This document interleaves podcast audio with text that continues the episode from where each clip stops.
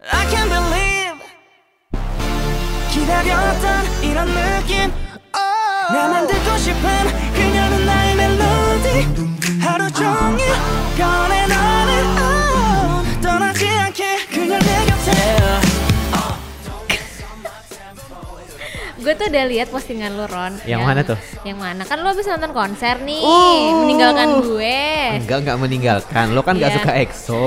Suka, gue Iya. suka Gravity, makanya itu gue minta lo fancam Gravity, tapi itu nggak ada mana. Janji Gini, lo. gini, gini. Jadi sebenarnya kemarin pas gue nonton konser itu, gue memang nge- nge-fancamin banyak banget performance. Iya. Tapi eh, intinya dari dari rekaman itu kan sebenarnya buat diposting di Creative Disney. Iya. Karena gue berangkat kan atas eh, mereka juga gitu. Cuman eh, karena openingnya udah langsung dihajar sama eh, tempo itu kayak langsung kayak wah aku tidak bisa fokus lagi tolong aku aku sudah tidak bisa lagi eh, apa namanya memikirkan aku harus merekam apa kayak gue agak agak Lo bingung udah, lo gitu. eh, gue udah nggak ada sedikit pun di ingatan lo ya. bukannya nggak ada sih mungkin lebih ke yang kayak ada banyak hal yang terjadi iya, sebelum gue nonton konser exploration da- itu dari gitu. awal dulu gimana? Oke, jadi sebenarnya eh, seperti konser-konser yang sebelumnya Ya. kayak NCT waktu itu juga eh, Creative List dapat nih em, undangan liputan buat Hmm. exploration in Singapore. Since di Jakarta kan emang belum ada kepastian Ya. karena eh, nggak kayak konser-konser artis yang lain kayak misalkan Seventeen konser udah diumumin kotanya plek plek Ya plek, plek, biasanya kayak gitu, kan. tapi kalau S itu SM enggak ya? Nah kalau SM itu enggak Enggak. jarang banget. Jadi SM itu tipikalnya yang kayak dua minggu announce, nanti kalau udah gini announce lagi gitu. Hmm. Memang sih banyak fans yang berharap kalau uh, Asia Tenggara ini akan kedatangan EXO di bulan-bulan yang sama kayak Malaysia kan belum, tapi Singapura Ya. udah selesai dan abis Singapura ini mereka kan ke Bangkok dan kemarin mereka habis dari Manila kan dan di Manila pun tuh dua hari gitu. Wah, Jadi agak kaget juga sih. Hmm. Terus eh, Indonesia kapan nih? Em, walaupun kode-kodenya udah kenceng banget dari berbagai macam akun ya, mulai dari Hmm. akun official dan tidak official gitu. Tapi kita belum punya kepastian sebenarnya soal Hmm. exploration di Indonesia ini. Jadi ketika gue ditawarin sama eh, Mas Welly untuk liputan ke Singapura yang kayak ya gue nggak mungkin nolak gitu karena ini EXO ini basic banget Hmm. terakhir gitu. lo ke Singapura nonton EXO juga kan? Itu konser yang mana? Enggak dong, terakhir nonton NCT dong. Enggak, yang waktu itu pernah. Oh nonton, ya, Ya, itu apa? 2018 Konser apa? itu Yang mana? Elysian. Ya, oh, Itu Elysian. Itu konser keempat. Eh, The Lost, ah, bukan The Lost Planet. Exoplanet 4 Elysian gitu. Berarti sekarang Exoplanet 5 Ini yang lima nih Exploration. exploration gitu. Oh, nah kemarin kemarin itu sebenarnya gue itu ngerasa kayak kayaknya nih gue bakal nonton sendiri nih, tapi ternyata Iya. sampai di sana ada temen Ketemu ada iya circle circle XOL circle ya. circle XOL tuh ternyata banyak banget kayak ketika gue update sebenarnya kan gue berangkatnya hari Minggu. Nah konsernya kan hari Minggu dan ini pertama kalinya gue kayak konser ma konsernya untungnya sore tuh jam 4 sore jadi gue masih bisa ngejar penerbangan pulang yang malam jadi gue cuma di Singapura kayak tujuh tujuh jam kalian tujuh sampai 8 jam itu Di doang Singapura, kayak Di PP Singapura, ibaratnya kayak kalau PP, ya iya kan ya? kayak ibaratnya kayak lagi mau ke Eh, Cirebon aja nih iya. gitu loh jadi ya udah PP aja awalnya kan gue khawatir maksudnya kayak since ini belum pernah sebelumnya gue lakukan jadi gue agak takut nih untuk memanage waktunya ini sebenarnya kayak gimana sih terutama kalau penerbangan kan kita nggak bisa yang sampai langsung lari gitu kan kita harus ke imigrasi belum dulu delay nung- atau iya, gimana. belum ada ada apa namanya kemungkinan delay Iya. gitu gitu segala macam gue sebelum berangkat itu sempat mimpi buruk sih dit Hmm. mimpi buruk literally kayak gue ketinggalan pesawat yang pada akhirnya yang pas gue WhatsApp lo malam-malam ya kayak Iya, iya, lo iya. nanya kan gue di bandara ya kayak "Enggak, itu sebenarnya masih di kosan jadi Iya. gue nggak bisa tidur sama sekali karena kebayang kayak gue akan telat terus kalau gue tidur takut bablas nih akan telat nih tapi untungnya jam 3 pagi gue bangun jam 4 gue udah di Damri gitu Hmm. kayak udah eh, berangkat aja langsung ke bandara segala macam gitu. Jadi ya udah gue akhirnya eh, sampai di Singapura terus temen gue bilang kayak gue juga lagi di sini nih gitu. Hmm. setahu gue temen gue ini namanya Asya dia kemarin dari Jepang kan. Gue kira dia nggak bakal nonton yang di Singapura ternyata dia nonton. Ya udah akhirnya eh, ketemu sama dia akhirnya gue bareng sama dia walaupun kita beda kelas gitu. Jadi karena ini liputan. Dan biasanya kalau di Jakarta kan liputan pakai ID media ya kalau di Jakarta. Tapi kalau di Singapura itu eh, terutama kalau yang One Production ini yang ngadain dan di Singapore Sports Hub, Sports Hub gitu yang ngadain mereka nggak pakai ID media. Jadi media dikasih tiket seperti penonton biasa gitu. Cuman kelasnya tuh bisa random bisa lo bisa di mana aja gitu. Kayak waktu yang di NCT gue dapet di festival di Pence yang emang tempat yang paling ideal lah ya buat fans gitu buat nonton. Sementara yang kemarin pas EXO pas ngecek tiketnya ternyata seated gitu. Gue yang kayak ya sitit nih gitu. Maksudnya eh, sebagai orang yang yang selama ini sangat suka banget nonton konser di festival itu ngerasa kayak agak berkecil hati gitu loh awalnya. Nonton wah sitit nih kayak ya udah deh eh, gue yang kayak ya udah maksud gue mau mau komplain tapi ini gratis. Gimana ya? Nggak bisa komplain juga dong yang kayak gitu kan. Maksudnya kayak gue mau harus harus komplain sama siapa kayak kesannya kayak nggak bersyukur aja gitu. Ya udah akhirnya setelah ketemu sama teman-teman gue setelah eh, apa namanya taken some pictures gitu buat uh, konten gitu kan dengan lightstick pinjaman gitu. Ya udah gue naik lah nih ke ke venue. Ternyata gue tuh ada di cut 2 ternyata. Dan di cut 2 itu kalau di Singapore Indoor Stadium kan di lantai paling atas lantai tiga kan? Iya. lantai tiga. Dan posisi gue itu di depan di depan panggung cuman agak ke kanan terus pojok beneran di pojok banget dan dan itu di sebelah gue cuman ada dua orang penonton cewek dan eh, kakak-kakak gitu kayaknya dari Indonesia karena dari dari cara bicaranya dari orang Indonesia gitu. Tapi gue nggak yang lantas mau beramah tamah juga enggak maksud gue kayak mungkin ya emang mereka lagi pengen menikmati sendiri aja. Ya udah gue juga pengen menikmati sendiri aja gitu. Cuman biasanya kalau nonton konser sendiri itu sama kayak nonton film horor sendiri nggak sih? Kayak lo pasti akan jaim untuk berekspresi gitu Iya, kan iya. nah biasanya tuh gue gitu terutama kalau di festival kan gue kan anaknya nggak bisa diem ya maksudnya kayak ketika gue tahu lagunya gue pasti akan dance gitu atau enggak at least gue teriak nyanyi gitu dan pas di atas itu gue merasa kayak gue punya ruang privasi aja gitu ya di pojokan di atas jadi gue bener-bener kayak ya udah deh bodo amat nggak ada orang yang ngeliat muka gue nggak ada orang yang tahu gue di sini jadi gue teriak seteriak sekenceng kencengnya Iya.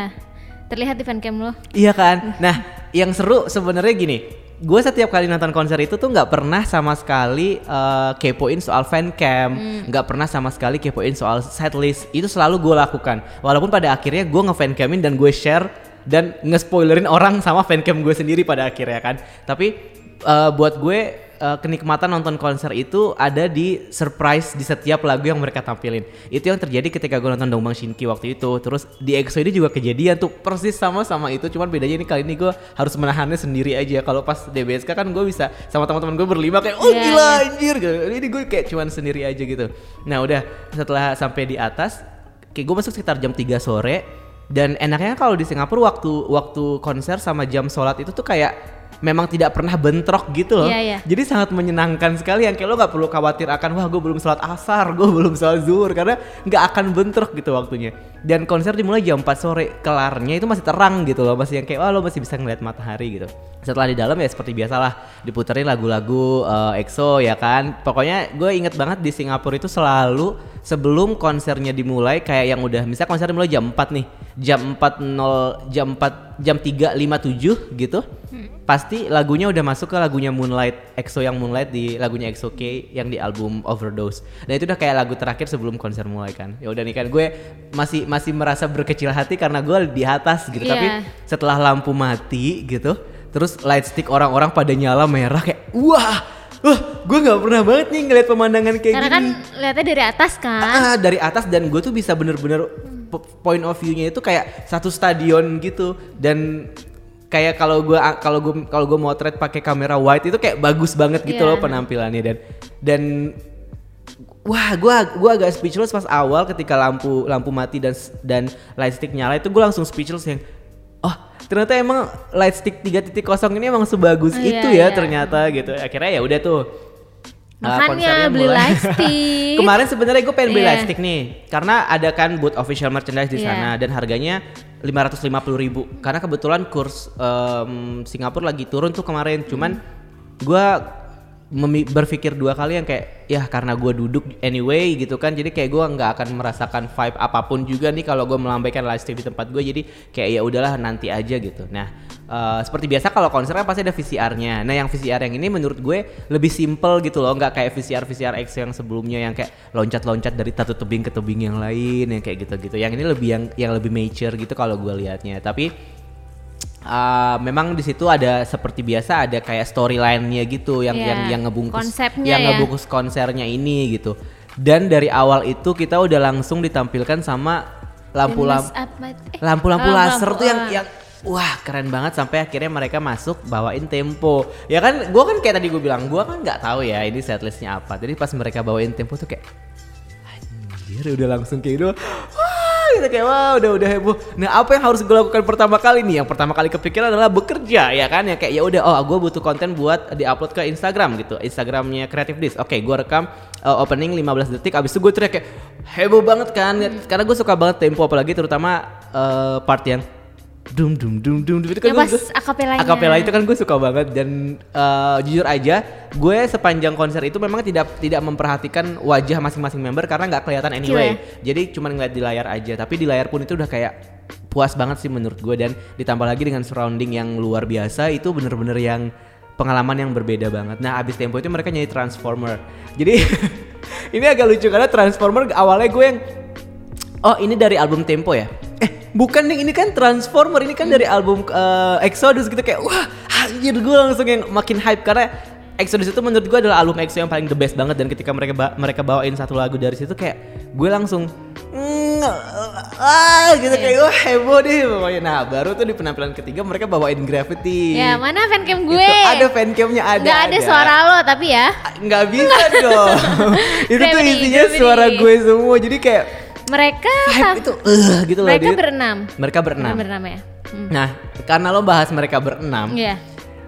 gue jadi awalnya kan gue ngerasa kayak kita sering pasti kan ngobrol ya kayak Iya. wah apa sih EXO konser cuman berenam nih pasti Pasti sepi. merasa kurang pasti gitu merasa ya. kurang sepi banget ya panggung eh tapi ternyata enggak loh Iya. enggak sama sekali yang kayak bahkan gua gue pikir ya eh, mereka dengan enam member itu sisa member yang lain yang enggak yang enggak datang itu kayak udah terisi oleh visualisasi panggung di layar di eh, LED sama lampu. Kalau gue pikir kayak itu udah udah lebih dari cukup gitu loh untuk untuk menggantikan member yang lain. Walaupun pastinya kalau ada member yang lain feelnya kan pasti akan beda sih ya. Tapi eh, jangan jangan mikir kalau ya sayang nih kalau gue nonton yang sekarang bias gue lagi nggak ada. Tapi menurut gue kayak iya, iya, eh, betul. Jangan jangan karena misalkan Dio lagi wamil Jangan jadi akge ya. Iya, gue juga agree, tapi Iya. tapi nggak sampai kayak nggak Iya. sampai mikir ke situ sih. Iya, Maksudnya iya, jangan betul, jangan betul. karena emang Dio sama Minsok lagi wamil Setuju. dan Lei lagi nggak ada di situ gitu. Jadi kayak lo jadi males nonton karena menurut gue ag- sayang banget lo nggak menyaksikan ini konser yang semasif ini produksinya gitu. Terus Yang kata lo juga rame banget kan di rame banget jadi Sampai nggak ada awalnya- ruang ya?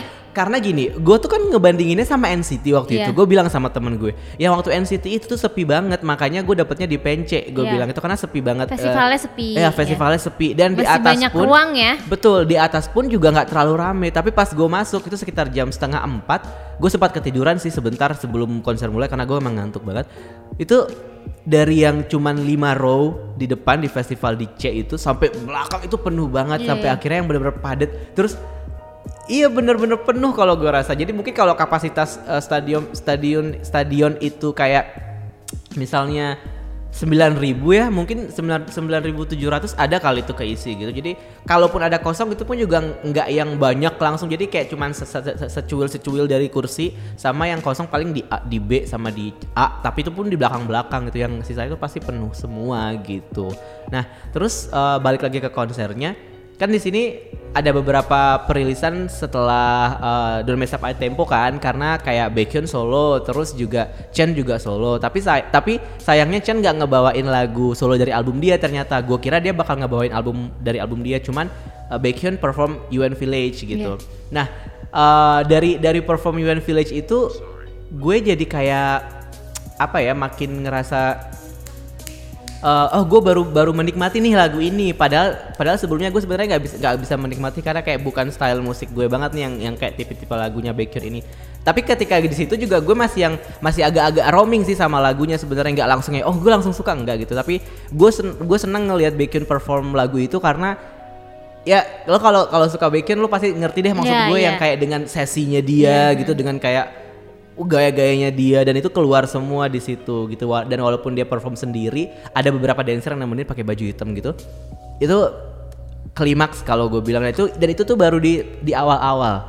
Nah lanjutlah mereka nyanyi 24/7 Love Shot ulala dong. Hmm. kayak ini itu itu semua lagu yang oke lah kalau Itu di album baru semua kan? Iya, oke lah kalau Love Shot. Gue nggak terlalu suka-suka banget, tapi 24/7 sama Ulala itu kayak men ini Latino nih, gue nggak bisa nih nggak nggak ikut heboh-heboh Latino Latino ini gitu gue bilang kan. Nah di situlah gue baru nyadar kalau ternyata di konser ini mereka pakai kinetic lights itu dit. Jadi sebelumnya gue belum pernah lihat sih ada konser uh, K-pop yang menggunakan si kinetic lights itu. Waktu itu gue gue pernah gue pernah bahas ini di nggak pernah sih. Gue pernah ngomong sama temen gue. gue bilang kalau konser K-pop yang paling grande menurut gue di Jakarta itu adalah konsernya G Dragon yang waktu 2013 waktu 2013 karena di situ mereka membawa ini loh bawa eh, apa namanya patung malaikat yang gede banget ke atas panggung di pas Ada Ji- Dragon ya, terus sama eh, ada kupu-kupu raksasa gitu terbang-terbang gitu di Hmm. waktu-waktu konsernya. Nah itu sebelumnya kan konser K-pop nggak pernah tuh yang kayak gitu nggak pernah sampai yang efeknya itu kayak tiga dimensi yang muncul jebret gitu kan. Nah pas kemarin di EXO ini mereka pakai kinetic light itu. Nah, kinetic lights ini buat yang eh, lo yang belum tahu, kalau misalkan lo ke Changi Airport tuh ada satu ada satu sudut di Changi Airport yang lampu ada hiasan lampu yang turun naik dan itu tuh se- apa bisa diatur iramanya gitu loh. Dan itu dan dia dan naik turun naik turun lampunya itu tuh bisa bikin kayak formasi-formasi yang bagus banget gitu dan memanjakan mata lah bisa dibilang. Terus itu juga di Marina Bay Sands juga ada. Kalau yang pernah ke Genting mungkin di Genting Highlands juga ada tuh yang kayak gitu. Nah, ini yang ditampilkan sama EXO di konser mereka sebagai visual yang beda dari dari konser-konser yang sebelumnya. Kalau kalau gue tuh eh, konser EXO yang paling bagus menurut gue sebelumnya itu adalah Exolution. Karena di Exolution itu mereka perform Eldorado, terus di tengah panggungnya itu muncul yang kayak mancur emas-emas ya? gitu yang Oh, kayak air wah mancur. keren banget Itu di deh. Singapura? Itu juga di Singapura karena Exolution so- ah, Exolution ke Jakarta juga sih. Exolution ke, ke Jakarta, Ada- ke Jakarta ada juga itunya? Ada Ada ada, itu yang sama patung-patungnya juga? Enggak patung jadi kayak dia ada ada properti apalah gitu ya di atas Oh. panggung gitu. Dan itu kayak nuansanya nuansa emas-emas gitu kan. Nah, ketika ini gue jadi yang wah ini pertama kalinya nih EXO eh, tampil pakai kinetic lights gitu dan ada satu performance waktu mereka 24/7 itu lampunya turun terus ngebentuk kayak lingkaran orbit gitu dan membernya di dalam di dalam lingkarannya itu. Jadi kayak mereka dikerangkeng oleh lingkaran lampu gitu. Udah wah itu keren banget. Ditambah lagi pas performance solonya Chen juga tiba-tiba Chen kan nyanyi lagu Lights Out nih solonya. Nah gue suka banget lagu Lights Out ini. Jadi gue ngerasa perjalanan konser gue yang sekarang ini tuh kayak apa ya eh, klimaks gitu dari beberapa bulan terakhir gue suka banget denger dengerin album winternya EXO dari Christmas yang kemar tahun lalu tuh gue udah bikin playlist di eh, apa namanya di Spotify yang isinya lagu-lagu Christmasnya EXO juga. Nah di konser ini itu mereka banyak banget ngebawain lagu-lagu dari album Universe, dari album Sing for You, dari album eh, itu ya, ya dua album itu gitu dan senang gue sama lagu yang judulnya Lights Out ini. Sebenarnya memang Lights Out ini bukan bukan lagu solonya Chen di situ, cuman dia memang dominan sekali suaranya dan pas dia nyala apa nyanyi lagu ini sama tuh eh, kinetic lights-nya juga jadi putih dan panggungnya hitam semua. Jadi cuma ada Chen dengan spotlight warna putih dan eh, lampu kinetik yang putih itu terus tiba-tiba ada satu lampu yang jatuh ke tangan dia gitu yang kayak seolah-olah dia kayak melayang gitu. Itu keren banget sih yang yang Wah gue nggak pernah nih ngelihat performance kayak gini dan gue suka banget lagunya dan lagunya itu juga baper yang comforting gitu kan jadi kayak wah I love I love this gitu ya wah gue udah nggak tahu deh mau berekspresi seperti apa lagi tapi untungnya pas Chan perform gue nggak teriak-teriak sih karena gue mau nangis jadi kayak gue nahan Lu nangis. gitu kayak gue nahan Ah, gitu yang, nahan. jangan jangan jangan yang kayak gitu nah kayak eh, rindu lo tuh kayak membuncah gitu ya. iya jadi kayak oh EXO. akhirnya gue akhirnya gue melihat mereka perform oh enggak mereka dengerin lagu ini live gitu nah sebelum Chan itu ada Suho Suho ini juga Solo. solo juga nah Suho ini juga ngebawain lagu judulnya Been Through itu dari album Universe juga Itu dan tadi gua dengerin, nah. ya ini Been Through ini kan agak-agak kalau lihat denger kayak elektronik elektronik Iya. seksi gitu kan. Nah, di situ Suho mengeksplor sisi seksi dia tuh. Jadi kayak ada adegan dia buka baju yang kayak gitu-gitu.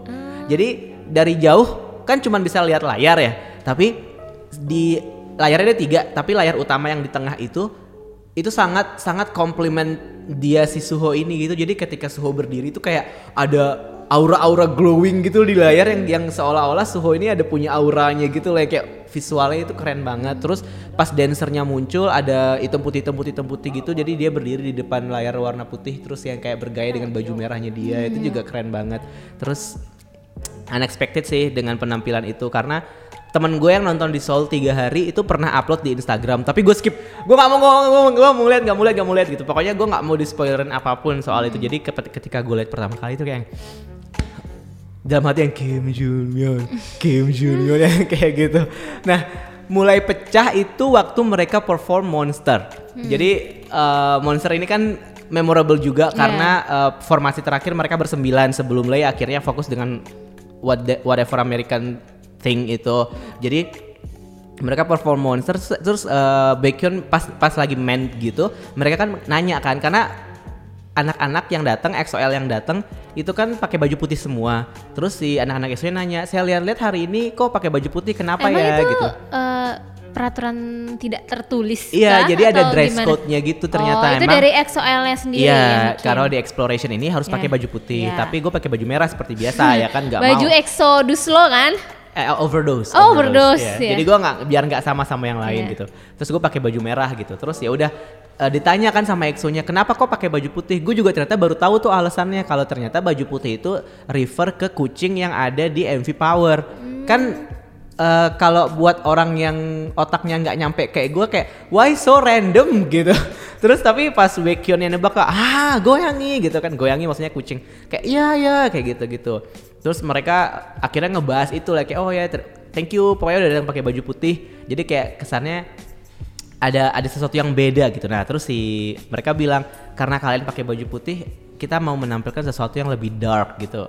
This is monster gitu. Wah gila lah perform lah mereka monster dan di titik itu tuh gue baru nyadar kalau ternyata lampunya juga di konser itu tuh bener-bener keren banget dit. Jadi sebelumnya mungkin nggak tahu ya karena fokusnya mungkin gue kayak lebih ke kamera atau, atau apa atau gue nyanyi atau gimana. Tapi gue bener-bener baru nyadar pas monster itu kalau ternyata lightingnya itu tuh aduh bermain dengan lagunya ya, Ya, dengan tema lagunya Dan yang paling bikin, yang paling menghidupkan banget suasana konsernya sebenarnya adalah itu light, uh, Lightingnya. fans fans fan light 3.0 Oh, itu. oh, sticknya. Jadi kayak kan berubah-berubah warna sesuai sama beat sesuai sama beat lagu dan lagunya kan. Itu bener-bener jadi keren banget dan komplimen banget konser ini gitu kalau gue bilang. Karena Awalnya gue juga agak skeptis yang kayak apa sih ganti-ganti warna gitu kan. Tapi ketika semuanya datang dengan light stick dan semuanya bawa eh, apa namanya light stick itu dan dinyalain semua itu debak sagon banget sih kayak anjir this is no joke guys gitu yang kayak wah ini nih emang emang keren banget gitu kalau menurut eh, pemandangannya yang gue lihat malam itu. Nah pas monster itu mostly kayak biru-biru gitu kan. eh, laser-lasernya biru-biru keren gitu deh pokoknya. Dan gue merekam dengan teriakan-teriakan gue yang kayak Hah, gila kali nggak bisa gitu. Dong gue, gue kebanyakan ngumpat jujur aja. Lebih kayak Oh my god, oh my god, shit, shit, gue kebanyakan yang kayak gitu karena kayak tadi gue bilang gue nggak ada teman spacing di sebelah gue, jadi ya udah gue ya akhirnya untung gue nggak ada di situ. Nah gue abis digebukin. Eh pasti Ya, lo malu eh, juga kayaknya ya. Ngeliat gue kayak gue kalau kalau misalnya nonton nonton fancam yang gue upload ke Twitter tuh isinya Iya. teriakan gue semua gitu. Nah, eh, ini nih eh, apa namanya lagu yang sering lo ejek-ejek gue. Yang Abis Monster mereka bawain Oasis, Oasis. Jomoli Jomoli Jomoli. ya kan. Akhirnya udah tuh udah. Nah, gue eh, agak timpang tuh kan dari Monster ke Oasis sebenarnya terus tiba-tiba intronya muncul ting tung tung ting gitu kayak "Hah, kayak gue tahu di lagu ini abis itu Anjir gue suka banget lagu ini. Gue waktu kayak oh tidak. Gue Aku gue nyalain kamera lagi Dan gue teriak di depan kamera gue kayak Aduh Itu bener-bener Cannot contain feelings banget nih Meletup-letup banget. Pokoknya perasaan gue pada saat itu Sebelum Sebelum akhirnya Gue beristirahat lagi Dengan menonton VCR Nah yang bi- Pokoknya setiap kali VCR itu mungkin adalah momen di mana gue bisa bernapas dengan lancar gitu ya dengan dengan lega gitu. Sama waktu part uh, Sehun Chanyol part Sub Unit. Oh iya. Karena War kan Life emang nyanyi War- War Life iya ya. mereka jadi War Life sama Closer to You. Karena kan emang lu kurang excited ya? gue kurang excited karena Iya, gue ha. nggak terlalu ngikutin kan uh, comeback mereka yang itu. Dan kayak gue kayak waktu itu gue bilang sama lo gue nggak akan ngedengerin lagu ini sampai akhirnya ada situasi yang memaksa gue untuk mendengarkannya. Iya, akhirnya lo mendengarkan. akhirnya gue mendengarkan pertama kali lagu itu di exploration Iya. kemarin gitu. Nggak lo nggak mau nanya keren. ini pendapat gue gimana sama lagunya? Gimana lagunya? Biasa aja. Biasa War Life War Life War Life kayak ya udah gitu loh ya, ya, bukan ya. tipe ini ya bukan tipe lagu lo bang. Iya, bukan tipe lagu bang- gua banget kok gitu. dibilang eh, jelek nggak dibilang jelek nggak dibilang nggak suka tapi lebih ke not my cup of tea Ya, gitu. not my, my cup of tea dan Iya. memang lagunya dibuat untuk match sama stylenya Sehun sama Sa- Chanyeol, iya, which is yang- bukan style gue. Gue iya. lebih suka kayak Chen, Chen, sih itu ya. kayak Chen, Chen, banget tuh. Gue suka banget sih kalau Chen gitu Iya, kayak kayak Chen Chen. Chen semua Chen itu gue suka banget. Nah abis itu mereka perform lagi tuh lagu Falling for You sama Wait. Nah Wait itu sih yang yang mereka kan Wait itu kan lagunya agak-agak akustik kan dan di situ tuh banyak banget suara Dio sebenarnya tapi Dionya lagi nggak ada dan part Dio diambil sama yang lain. Nah yang gue suka juga Kai itu jadi banyak nyanyi di sini karena banyak part member lain yang diambil sama Kai gitu. Kayak gue senang sih walaupun sebenarnya di di performance solo dia kan dia perform perform solo yang masif dance banget sebenarnya. Dan judulnya itu confession kan sebenarnya tapi Lagu baru. enggak itu kak gue nggak tahu ya lagu baru atau gimana tapi emang mungkin lagu khusus buat konser. Oh, mungkin lagu iya. baru gue juga nggak kurang riset soal itu. Terus eh, gue nggak gua nggak melihat ada sesuatu yang epic dari vokalnya sih. Kalau di kalau kalau udah ngomongin soal Kai itu kan pasti performance kan lebih ke dance-nya. Tapi gue aku emang Kai itu kalau udah perform kayak udahlah lo akan Iya. sangat enjoy ngelihat dia walaupun dia nggak usah nyanyi sama sekali juga lo pasti akan sangat enjoy gitu ngelihat dia gitu.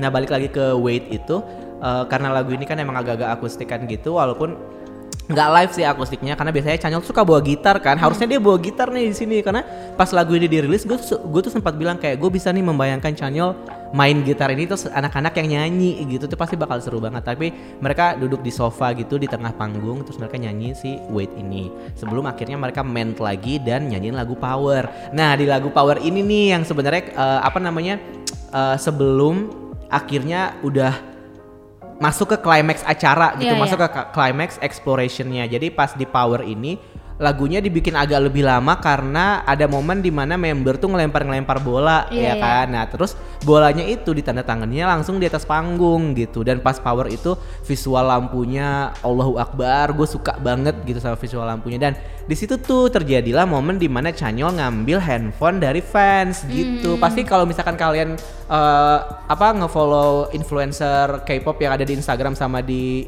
Twitter pasti tahu nih sama sama kejadiannya gitu kan karena udah udah dibahas juga sepanjang malam Iya. di setelah konser kemarin gitu. Ya, ha.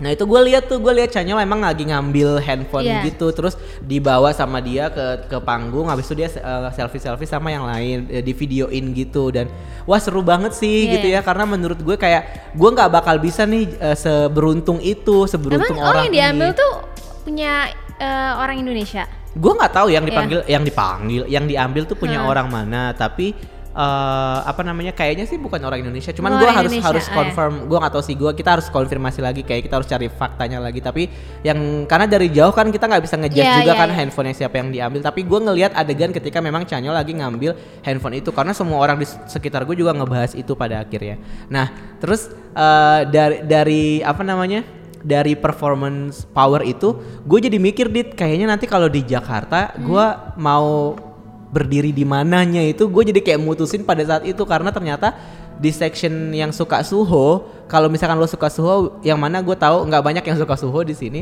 eh yang suho tuh sering banget ada di section sebelah kanan. Jadi dia selalu ada di section sebelah kanan. Jadi kayak oke nanti pas konser di Jakarta gue mau berdiri di situ. Terserah deh gue nggak ngelihat pemandangan yang lain tapi gue akan nunggu suho di situ. Karena teman gue ngejar Sehun tapi yang datang ke dia suho terus. Jadi dia tuh dapat banget suho di depan dia kata dia kayak gitu. Dan dia ngirimin fancamnya suho ke gue tuh kayak kapan gue bisa di depan suhu kayak gini lagi gitu. Karena udah sudah sudah terlalu lama gitu kayaknya. Nah, abis itu lanjutlah nih. Mereka perform lagi eh, Bad Dream, terus Damage. Itu Damage bener-bener damage banget sih buat gue kayak bener-bener yang album Tempo tuh kan lagunya bagus-bagus Iya. kayak Ah, Jano Tem itu kayak gue wah nyanyi kenceng banget teriak kayak semua orang akan benci sama gue pada saat itu. Nah, yang unexpected banget gue adalah mereka perform growl sama overdose dilanjutkan dengan Call Me Baby. Ngerti nggak sih perasaan gue itu kayak ya Allah itu kayak damage aja udah bener-bener merusak banget hati gue gitu ya. Terus tiba-tiba mereka perform uh, growl gitu. Padahal waktu gue bikin artikel buat Creative Disc, waktu gue bikin artikel untuk tiketingnya, gue tuh nulis kalau mereka tuh pakai bakal perform growl ini, tapi gue nggak nggak inget kalau gue nulis itu gitu.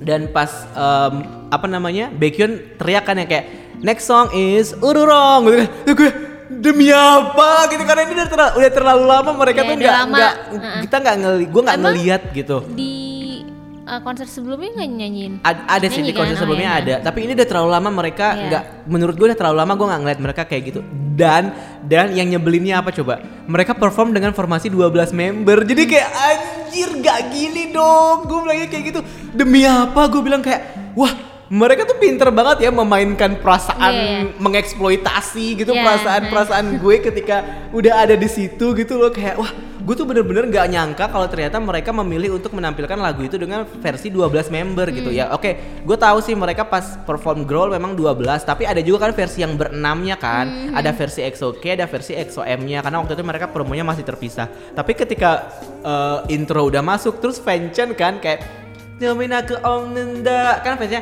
EXO K gitu kan habis itu Tutup ya. Toro habis itu EXO M. nenda, nenda, EXO M yang kayak gitu anjir itu wah, Walaupun sebenarnya sudah sudah tidak ada gitu ya. Iya walaupun EXO M dan EXO K udah nggak ada lagi Iya. tapi fansnya itu tetap itu dan kebayang dong memorable-nya kayak gimana Kayak nostalgia. nostalgia banget gimana pas konser pertama mereka harusnya bawa itu berdua belas tapi Chris keluar gitu Iya. kayak anjir gila kali terus tiba-tiba mereka tampil di, si- di kemarin di Exploration dengan formasi beneran 12 member jadi Iya. dancer yang lainnya enam orang itu pakai baju hitam-hitam gitu dan pas overdose pun mereka berdua belas aduh Yang dipecah aja 6 dulu, baru 6 Nggak, yang masuk. langsung oh, 12 baru 12. Oh, ya. itu wah itu nyakitin banget sih nyakitin nyakitin perasaan banget cuman sayangnya nggak ada adegan yang eh, apa backionnya naik ah suhunya naik di atas kaki itu semua backyon ya pokoknya kan kalau di overdose ada adegan yang gitu ya yang yang dionya tidur terus kakinya ke atas terus di atasnya ada backyon gitu kan. Tapi kemarin nggak ada adegan itu. Tapi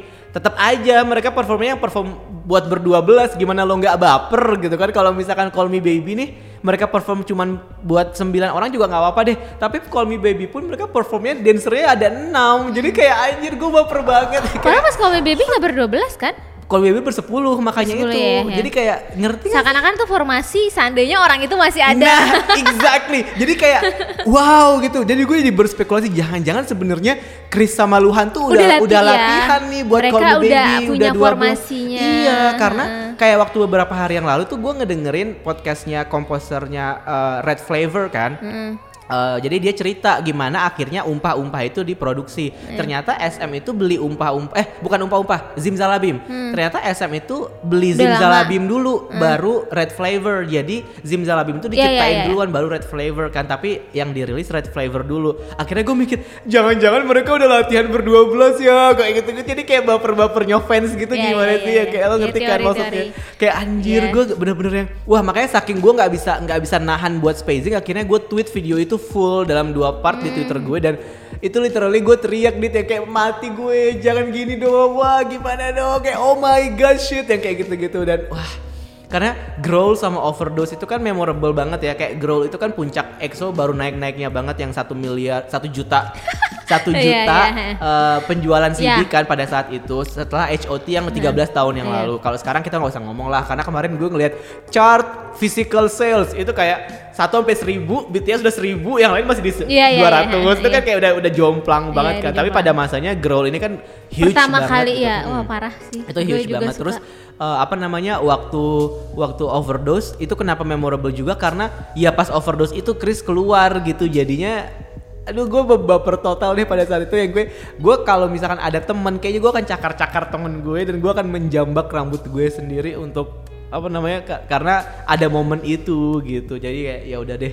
Habis itu baru kalem tuh nyanyi lagu yang dari album Winter lagi. Jadi nah ini juga dua lagu yang paling gue suka dari album Sing for You judulnya Unfair sama uh, On the Snow. Barulah mereka baru mereka masuk ke uh, apa namanya Encore, encore-nya dari album Tempo, balik lagi ke album Tempo. Encore-nya itu yang mana? Hmm. Smile on My Face. Nah, itu kayak gue bilang kayak lagunya Shawn Mendes gitu. Smile on My Face Habis gitu. itu udah selesai. Abis itu udah selesai. Nah, gue juga pengen, gue juga pengen highlight satu, ada satu VCR di konser ini yang eh, Suho tuh nerima eh, artikel koran yang disobek-sobek gitu loh, eh, artikel korannya. Terus mereka berusaha untuk menyatukan eh, kepingan-kepingan itu di selotip-selotip gitu loh. Oh, Terus iya, habis iya. itu di, dibentuk jadi kayak eh, apa namanya pesawat kertas terus diterbangin. Habis itu muncul di layar kayak We Are One. Sebenarnya itu so cheesy sih. Terus gue sama temen gue yang kayak apaan sih maksudnya kayak gitu nggak ngerti gue tapi kayak Anjir gitu. Kenapa konsep exploration ini memang mungkin ingin mengeksploitasi fans-fans lama dengan perasaan-perasaan mereka yang masih membekas terhadap OT12 atau gimana sih? Gue nggak ngerti gitu. Tapi wah dit klimaks sih. Iya, pas iya, iya. Smile on My Face itu yang kayak awalnya lagu itu biasa aja buat gue. Nggak nggak ada nggak ada kesan bahwa ini lagu sedih atau memorable atau gimana gitu. Tapi setelah VCR terakhir terus mereka kayak this is the last song uh, mereka ngomongnya by the way banyak banget pakai bahasa Inggris sih ngomong apalagi Suho kan emang agak Udah- udah gimana biasa gitu ya, ya, apalagi ini bentar lagi Super M nih kan ya nggak sih? Baekhyun sebagai leader latihan dulu lah. latihan dulu speaking, makanya ya. akhirnya tuh ya udah tuh mereka jadi smile on my face terus ya uh, thank you Singapore uh, kita akan kembali lagi yang kayak gitu-gitu jadi uh, aku berharap makanya gue bilang kayak kalau nanti mereka jadi ke Jakarta Ya. gue pengen kayak lu juga menyaksikan Apa yang Apa lo yang rasakan? lo ra- gue ya. rasakan pada saat itu semoga gitu, yang semoga- pendengar kekoreaan Uh-uh. makin apa semangat lagi buat ngumpulin duitnya. Iya, iya, since masih lama Mendengar kan cerita katanya. Ronzi ini seru banget apalagi kalau lo fans lama ya. iya ya, gue udah kebayang sih, gue udah gue bisa menempatkan posisi gue menjadi EXO-L yang um, uh, yang fans lama yang dari Hmm. yang dari zaman Wolf itu kayak wah itu pasti bakal lo bakal tersayat-sayat hati lo gitu. Dan sebelum konser mereka puter Wolf juga tuh Ah, semua iya. kayak wah Tiko ini sih lagunya kayak gitu-gitu yang wah aduh keren banget dan iya. pokoknya yang gue yang gue yang gue bisa katakan dari konser explorationnya EXO ini adalah yang pertama lagu-lagunya itu bagus-bagus pemilihan lagunya Hmm. bagus banget nggak ada lagu yang kayak mungkin bikin roaming gitu ya Uh, mungkin memang ada fans yang emang ngikutin semua lagu tapi gue tipikal yang kayak oh kalau gue nggak suka ya udah gue nggak akan dengerin gitu kayak misalkan di album Exact gue nggak eh, kan yang kayak Artificial Love kan banyak banget yang suka tuh Iya, gua suka. karena karena penampilannya di performance di panggung kan agak-agak seksi Hmm. gimana tapi gue nggak terlalu suka Artificial Love gitu kayak di album itu juga sedikit banget lagu yang gue suka pada akhirnya nggak gue jadi album yang list favorite buat gue gitu tapi di konser ini bener-bener yang kayak climax dari semua album EXO yang gue suka dan yang gue dengerin sepanjang mungkin satu tahun terakhir ini gitu jadi memorable Ya, pada akhirnya itu yang pertama semua. terus Dia yang ke- mereka nggak nyanyi Love Me Right ya? mereka nggak nyanyiin Love Oh, Me Right. nggak. Terus yang kedua adalah visualnya sih Dit. Secara Ya. produksi Permainan visualnya lampu. pelan permainan lampu dan kayak tadi gue bilang kinetic lights-nya itu keren banget yang kayak memanjakan mata banget. Terus gue nge gue pas ngepost di Instagram gue bilang lebih enak duduk. Iya, Kenapa iya. lebih enak duduk? Karena pada akhirnya lo bisa ngelihat secara Lampu-lampu, produksi ini semuanya iya, tuh iya, iya. maksimal banget gitu. Di, karena ketika berdi- karena ketika berdiri yang pertama lo akan terganggu sama handphone orang, yang Iya, kedua betul, betul, lo betul. akan desek-desekan. Orang-orang ambis untuk ke depan, Betul. untuk lebih memilih untuk kontennya kan kalau lo duduk kan nggak mengganggu orang kan. Betul. Yang ketiga juga kalau lagi di festival itu kayak eh, pandangan lo terbatas gitu. Memang kalau duduk agak jauh, tapi kayak tadi bilang kayak kita bisa mengapresiasi produksi tim produksi yang udah sekeren itu gitu. Nah, Serba- itu yang ya, itu yang serba kedua. salah sih. Dan ketiga memorable-nya itu sih karena Hmm. eh, lagu-lagunya itu eh, kayak tadi mengungkit-ungkit luka lama yang kita udah berdarah tapi kita senang aja gitu kita kolek-kolekin lagi yang kayak wah gitu itu sih kalau gue bilang dari konser Hmm. ini so fun Jadi eh seenggaknya dari cerita lo gue bisa menangkap eh, kalau kita non- nonton konser tuh nggak perlu ambis yang harus berdiri gitu Betul. loh kan kayak ya udah mungkin kalau udah pernah untuk mungkin yang belum pernah ngerasain kayak Boleh. boleh, dilah dicoba Ya, setuju, gitu. setuju, betul. Tapi mungkin kayak oh kalau udah ngerasain kayak oh mau mencoba sisi lain gitu nggak perlu lo maksa aduh harus beli yang festival harus beli VIP bisa coba yang duduk kan itu pasti menarik benar, gitu benar setuju Kayak- setuju karena kalau kayak berdiri tuh nggak enaknya ya bener handphonenya itu gue nggak tahan itu ya sih parah, tahan. parah. apalagi kemarin ada yang ada yang nge-tweet ke gue dia nanya kayak eh, apa namanya dia bilang gue mau nanya deh gue tuh tingginya cuma 162 cm mendingan gue duduk apa berdiri ya kalau nonton konser Apa- apalagi gue yang cuma Terus gue bilang 155 gue aja di bawah 160 tinggi Iya. gue, gue satu 160 Iya, nggak iya, nyampe. iya, Gue iya. bilang itu jadi eh, mendingan jadi gue nggak bisa, maksudnya cannot relate with Iya, this iya. question gitu gue bilang. berarti ini tuh kayak jadi kadang-kadang tuh gue suka sedih ya Eh, masalah tiketing nih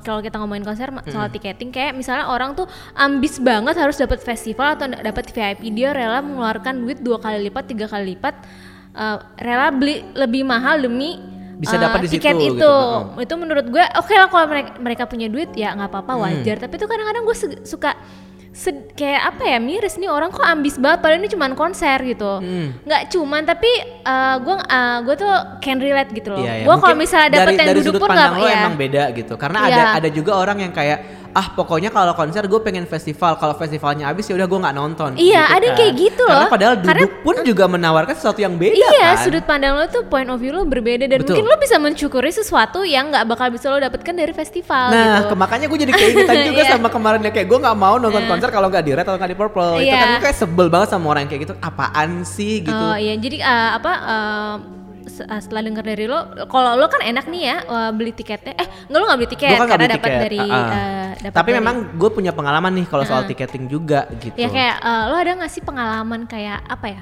Tiketing war yang nggak lo dapet atau lo Nggak pernah dapet yang keinginan Iya, gue gitu. keinginan lo terus kayak lo mesti beli di Just Tip atau mesti beli di Calo. Lo pernah nggak sih lo?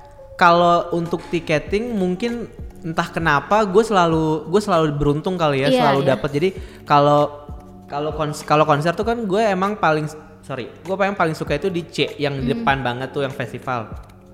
Yang di tengah ya? yang di tengah.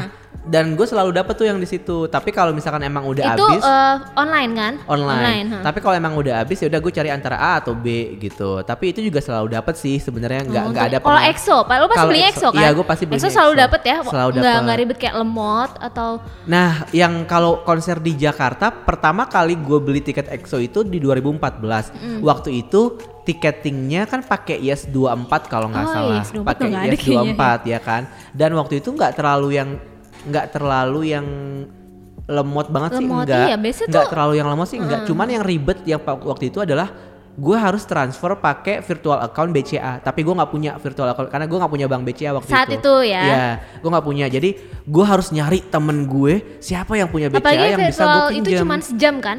Betul, Iya. makanya kan harus cepet ya. Iya. Jadi kayak gitu itu sih sebenarnya ri- ribetnya pas di situ. Tapi dari situ gue jadi belajar yang kayak oh kalau misalkan tiketing gue lihat dulu tiket boxnya apa nih. Kalau misalkan yang ini oh dia butuhnya akun apa. Kalau misalkan gue kayak jadi jadi prepare sendiri gitu loh. Oh dia butuhnya akun ini lebih gampang kalau pakai ini. Ya udah gue jadinya sebelum ada tiket war gue udah nyiapin sendiri tuh akunnya kayak gitu-gitu. Nah cuman lemot lemot sih enggak dan waktu itu dapet waktu itu dapet gue festival dan bahkan gue dapet ngebeliin tujuh temen gue yang lain. Hmm, Jadi kayak eh, waktu itu emang masih gampang. Kalau yang sekarang tuh dikit-dikit kayak waduh lemot nih cepet Iya, banget se- setuju, sold setuju. out terus yang day 6 belum main ini kan sold out Sold kan out terus orang-orang tuh ya. masuk ke masuk ke apa website itu kayak crash gitu kayak kui apa kayak ngantri, lah Hmm. Ngantri, gitu heeh. Betul.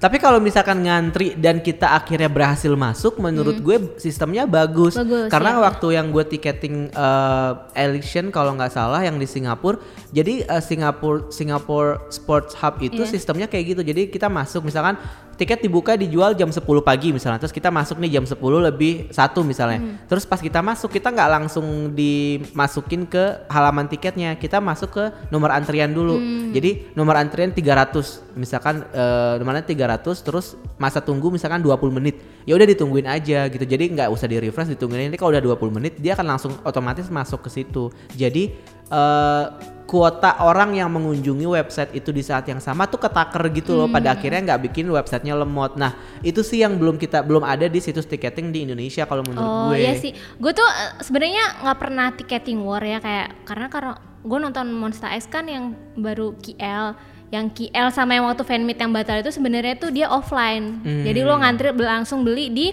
eh, merchannya Nah, kemarin. Yang gue se- prefer kalau- offline Iya sebenarnya. fan meet, yang fan meeting sama Indotix yang waktu KL gue nitip sama Melon itu kayak Melon nga- nggak Dia enaknya antri. ngantri dari subuh, Ah. jadi kayak dari subuh tuh udah di mallnya. Karena ternyata Monster X di Malaysia itu se-famous itu karena Iya, rame iya. banget Tapi kan. sebenarnya ramenya mereka mengincar VIP-nya doang. Tapi setelah Ah. itu yang bagian sitting, sitting dan apa uh, festival yang lainnya tuh masih bisa lo beli via online. Bahkan sebenarnya diskon. Oh, kayak buy gitu. two get one atau apa gue nggak paham. Oke, Jadi kayak gue belum pernah nih yang namanya tiketing yang sambil nunggu-nunggu. Tapi pernah kayak waktu itu gue iseng.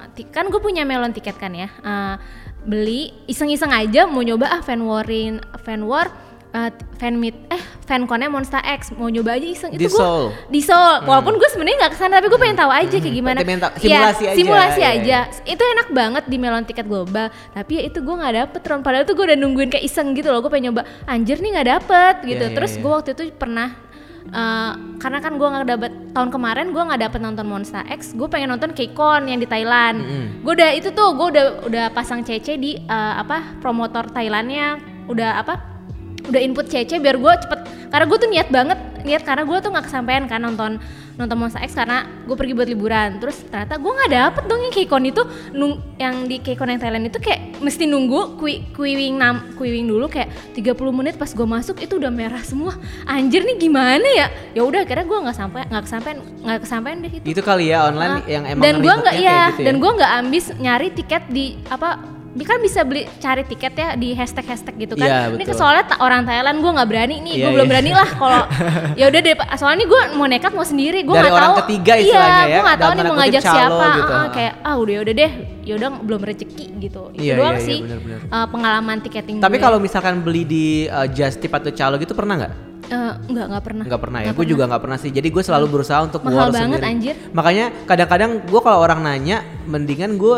bilang kayak mendingan lo war sendiri deh. Jadi lo tahu prosesnya. Iya, Jadi proses, karena ya, ya, pasti nonton konser tuh nggak cuma sekali gitu. banyak penipuan juga. Nah, Terus betul. gue juga lihat tiketing Just Tip tuh ya Allah tuh mahal banget. Yang waktu Monster X aja yang tadinya harga VIP cuma 2 jutaan itu mereka bisa ngambil untung saat jadi tiga setengah. Ah. Dan itu ternyata belum tentu dapet. Dan itu teman gue ada kan yang beli di di salah satu Just Tip dia pesen uh, beli yang VIP.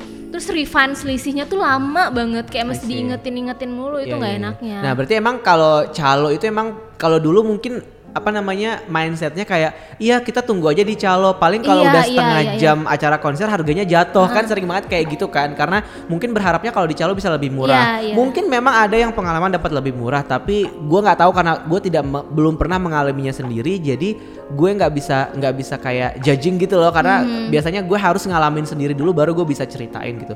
Cuman memang kalau kita beli di kalau kita beli di uh, calo emang ada pro ada kontranya gitu. Kalau pronya Iya. mungkin kita kayak nggak terlalu repot diurusin, diurusin ya kan kayak kita ya udah tinggal gue mau satu ya gitu. Oke, terus Kalau uh, cuman beda selisih 100, 200, 300 ya masih wajar. ah, menurut jadi gue. kayak Ah. dan kontranya kan yang itu. Kalau pronya gue rasa cuma itu doang ya. Iya, pronya enaknya karena ya ya udah santai enak aja kan di- diurusin, dibeliin ha. diurusin Tapi gitu. tuh kadang gue suka sebel. Itu yang bikin tiket kayak uh, konser K-pop cepet sold out karena sebenarnya itu kayak ibaratnya semuanya tuh just tip. Iya. Gue beli dulu banyak mau gue jual lebih mahal. Itu kadang-kadang yang gue sebel. Betul, itu betul. dijadiin ladang bisnis lagi. Iya Makanya sebenarnya kalau di Korea itu udah mulai dipersulit tuh scalper-scalpers kayak satu orang satu ID cuma beli- cuma bisa beli satu dan harus eh, apa harus punya eh, fan club official fan club itu tuh salah satu upaya-upaya untuk mengurangi scalpers. Hmm. Tapi kan kan kalau di Indo nggak bisa, bisa nggak kan, bisa, nggak iya, bisa sistem itu. Jadi yang waktu day 6 itu gue lihat timeline sebelum gue sekarang nggak bisa lihat timeline karena akun gue di suspend. Tolong Twitter Indonesia kembalikan tweet uh, at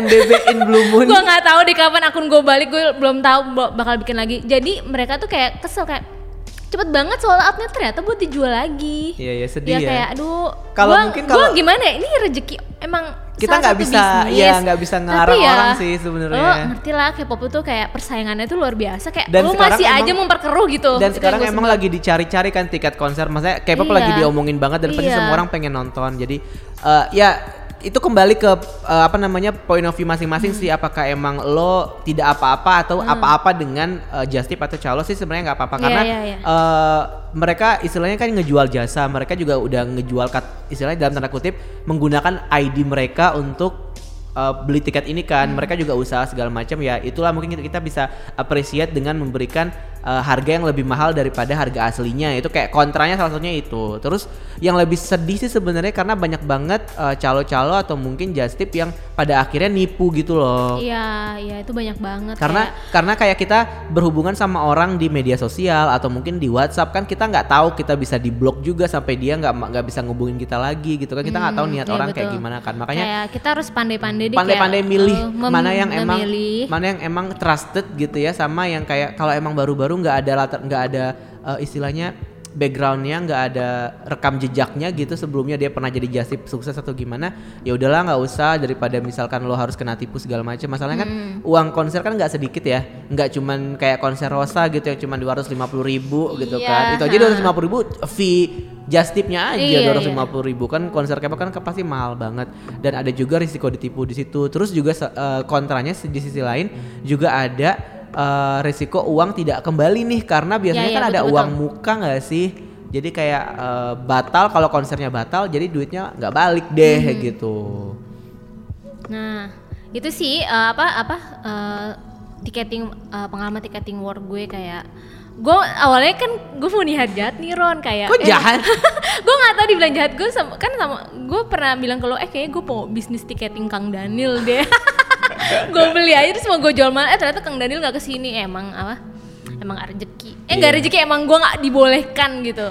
Ya udah, kita ada tadi gue sempat nanya di Twitter nih soal Hmm. pengalaman teman-teman di Twitter yang pernah nggak sih mereka pengalaman eh, beli di calo Hmm. gitu ya, entah pengalaman buruk atau mungkin eh, pengalaman baik gitu, sama mereka sebenarnya orang-orang tuh lebih suka tiket war sendiri atau beli di calo sih gitu. Nah, ada banyak nih yang eh, apa namanya ngebalesin.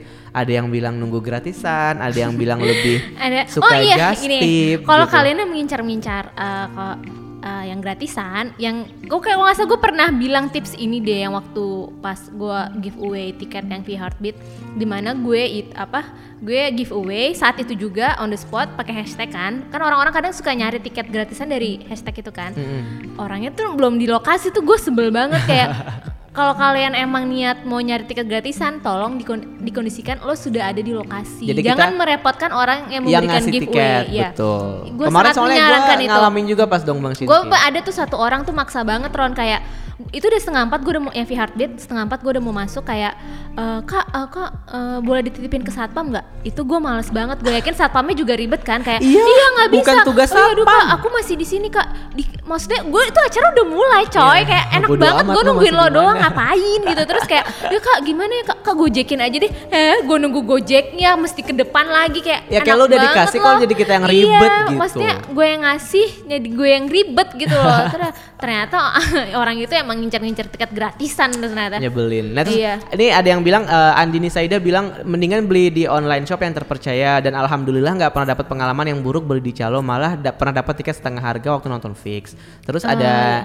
itu eh, biasanya kalau menjelang apa acara. Ah, ah, nah, itu kayaknya. langsung murah banget harganya. Anindya bilang eh, enakan beli sendiri. Offline online udah pernah semua ngerasain. Selain takut pakai calo kayaknya juga lebih puas aja kalau pakai usaha sendiri kata Diki. ada di di Astri dia bilang war sendiri sih lebih mantep walaupun kadang dapetnya nggak sesuai apa yang kita mau terus juga kayak kebanyakan lebih seneng war sendiri ya kalau Insanisa Nur Safira bilang aku biasanya war sendiri gitu Terus juga It's Good at It's Good juga bilang kalau baru nyoba nonton konser sekali dan ternyata Euphoria War Ticket sendiri itu segereget itu gitu sampai sabar-sabarin diri karena pas ngeklik pertama udah langsung abis dan dikasih tahu temen kalau tetap refresh dan akhirnya dapet. Iya kan? Iya, kayak iya. pengalaman pas belinya itu sebenarnya kayak bisa jadi kayak sesuatu yang bermanfaat karena kita pasti nggak nonton konser cuma sekali Iya. kan. Next kita pasti akan butuh lagi nih pengalaman kayak gini. Oh, ada seru-seru. ada Atsmara 31 bilang lebih milih war sendiri. Nggak tahu kenapa tapi kadang kalau war sendiri gregetnya lebih dapet.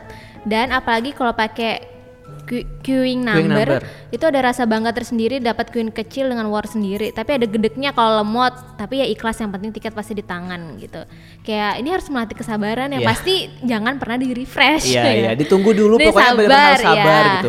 B at baby bonsai underscore 88 bilang pengennya sih war sendiri tapi karena saking takutnya war terus gak dapet mending beli di calo. Udah gitu sekarang calo tuh open tabungan lebih dulu buat jaga-jaga Oh iya, eh, lebih iya. aman Hmm. kata dia gitu. Ada juga tabungan konser, tabungan album. Sekarang banyak banget deh jasa-jasa. Tapi memang ini harus cari yang terpercaya Iya, ya karena iya. kita kan ngasih Tau-taunya uang ke orang soalnya. Gali lubang tutup lubang duitnya dipakai Oh, lagi. aku iya. punya teman yang berpengalaman seperti itu, Iya, jadi aku juga takut. Ada gitu. ada dari Ed Pacariol.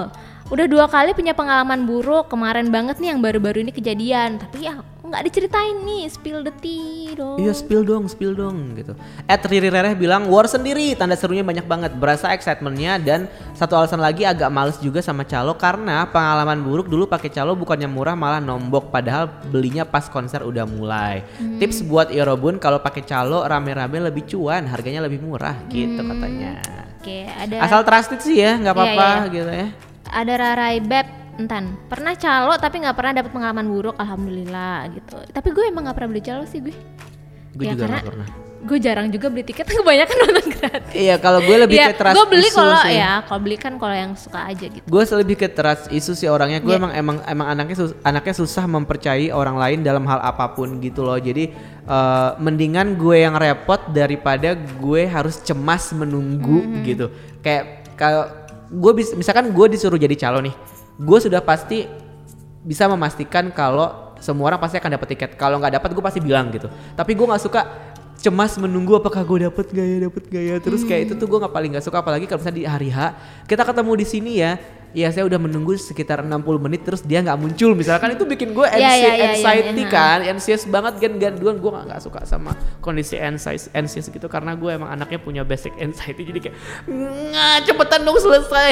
Kayak gitu. Jadi ya agak-agak nggak agak-agak trust issue juga sih mungkin next time kita bisa coba kali ya beli di calo ya nggak sih Eh, kayak cuman iseng buat aja iseng kali ya. aja kali ya Yang yang pas eh, konser yang pas udah mulai gitu biasanya tuh langsung dijual harganya murah banget. Ya mungkin nanti pas Chongha kali kita bisa beli di calo kali siapa tahu ada.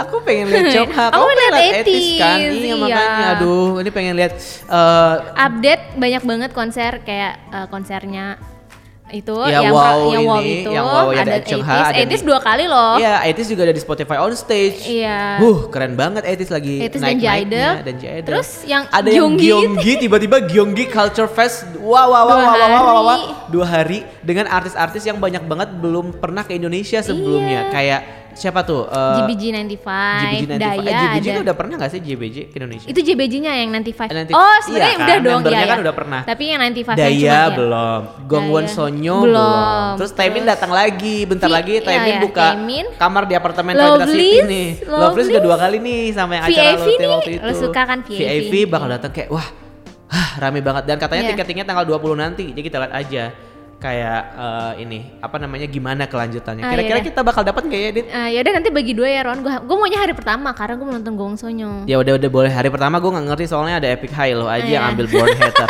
gue mau lihat Taemin aja di day kedua. ya, ya udah oke, kita tutup dengan lagu Apa EXO lagunya? lah, EXO kan ya. ngomongin Lagu EXO. kesukaan lo pasti Gravity kan? Ya kayak gue waktu itu udah pernah deh. Udah pernah yang Gravity. ya? Yang lain dong. gue sih paling suka EXO tuh Love Me Right ya. Love Me Right nggak suka Iya. History. Apa? History nggak suka. Hmm, yang celana-celananya dikembang-kembangin itu. gue kayak gue kayak ada suka side B yang albumnya EXO tapi gue lupa apa judulnya. Hmm. Yang Kalau gitu yang lo inget deh. Ya udah Love Me Right aja deh. Love Me kebet ya. lagu itu. Kalau gue eh yang paling berkesan kemarin waktu konser sebenarnya eh, ada beberapa tapi gue mungkin harus memilih satu lagu yang harus gue masukin sebagai insert di closing hari ini adalah jeng jeng jeng jeng jeng jeng jeng jeng jeng jeng jeng jeng damage. Uh, karena dia merusak hati gue pada saat itu ya. Tercabik-cabik lah kau. Sampai jumpa di konser. Sampai jumpa di konser eh, selanjutnya. Berarti ya Roni, kita udah ngomongin yang Singapura, jangan ngomongin di Jakarta lagi nih. Iya iya jangan ngomongin di Jakarta. Kecuali kalau bisa kita kerja sama. Dua kali nanti ada yang protes ngomonginnya EXO mulu kak. Iya apa Monster X terus yang dibahas yang lain dong. mulu. Mana YG konten Makanya- YG mana nih? Iya konten gitu. YG. Iya nih kita nggak ada konten. Eh kemarin winner, eh winner belum tayang. Winner belum tayang nggak tunggu aja Winner Ada tayang. ya, nanti ada Iya udah. Winner, nanti ya. kita ngomongin Seventeen juga ya. Iya. Sama kita ngomongin X1. Eh, kita oke. undang kasih sekali lagi gimana? Boleh. Setuju? Setuju. Oke kita ngomongin X1. Ya Bye semua, thank you.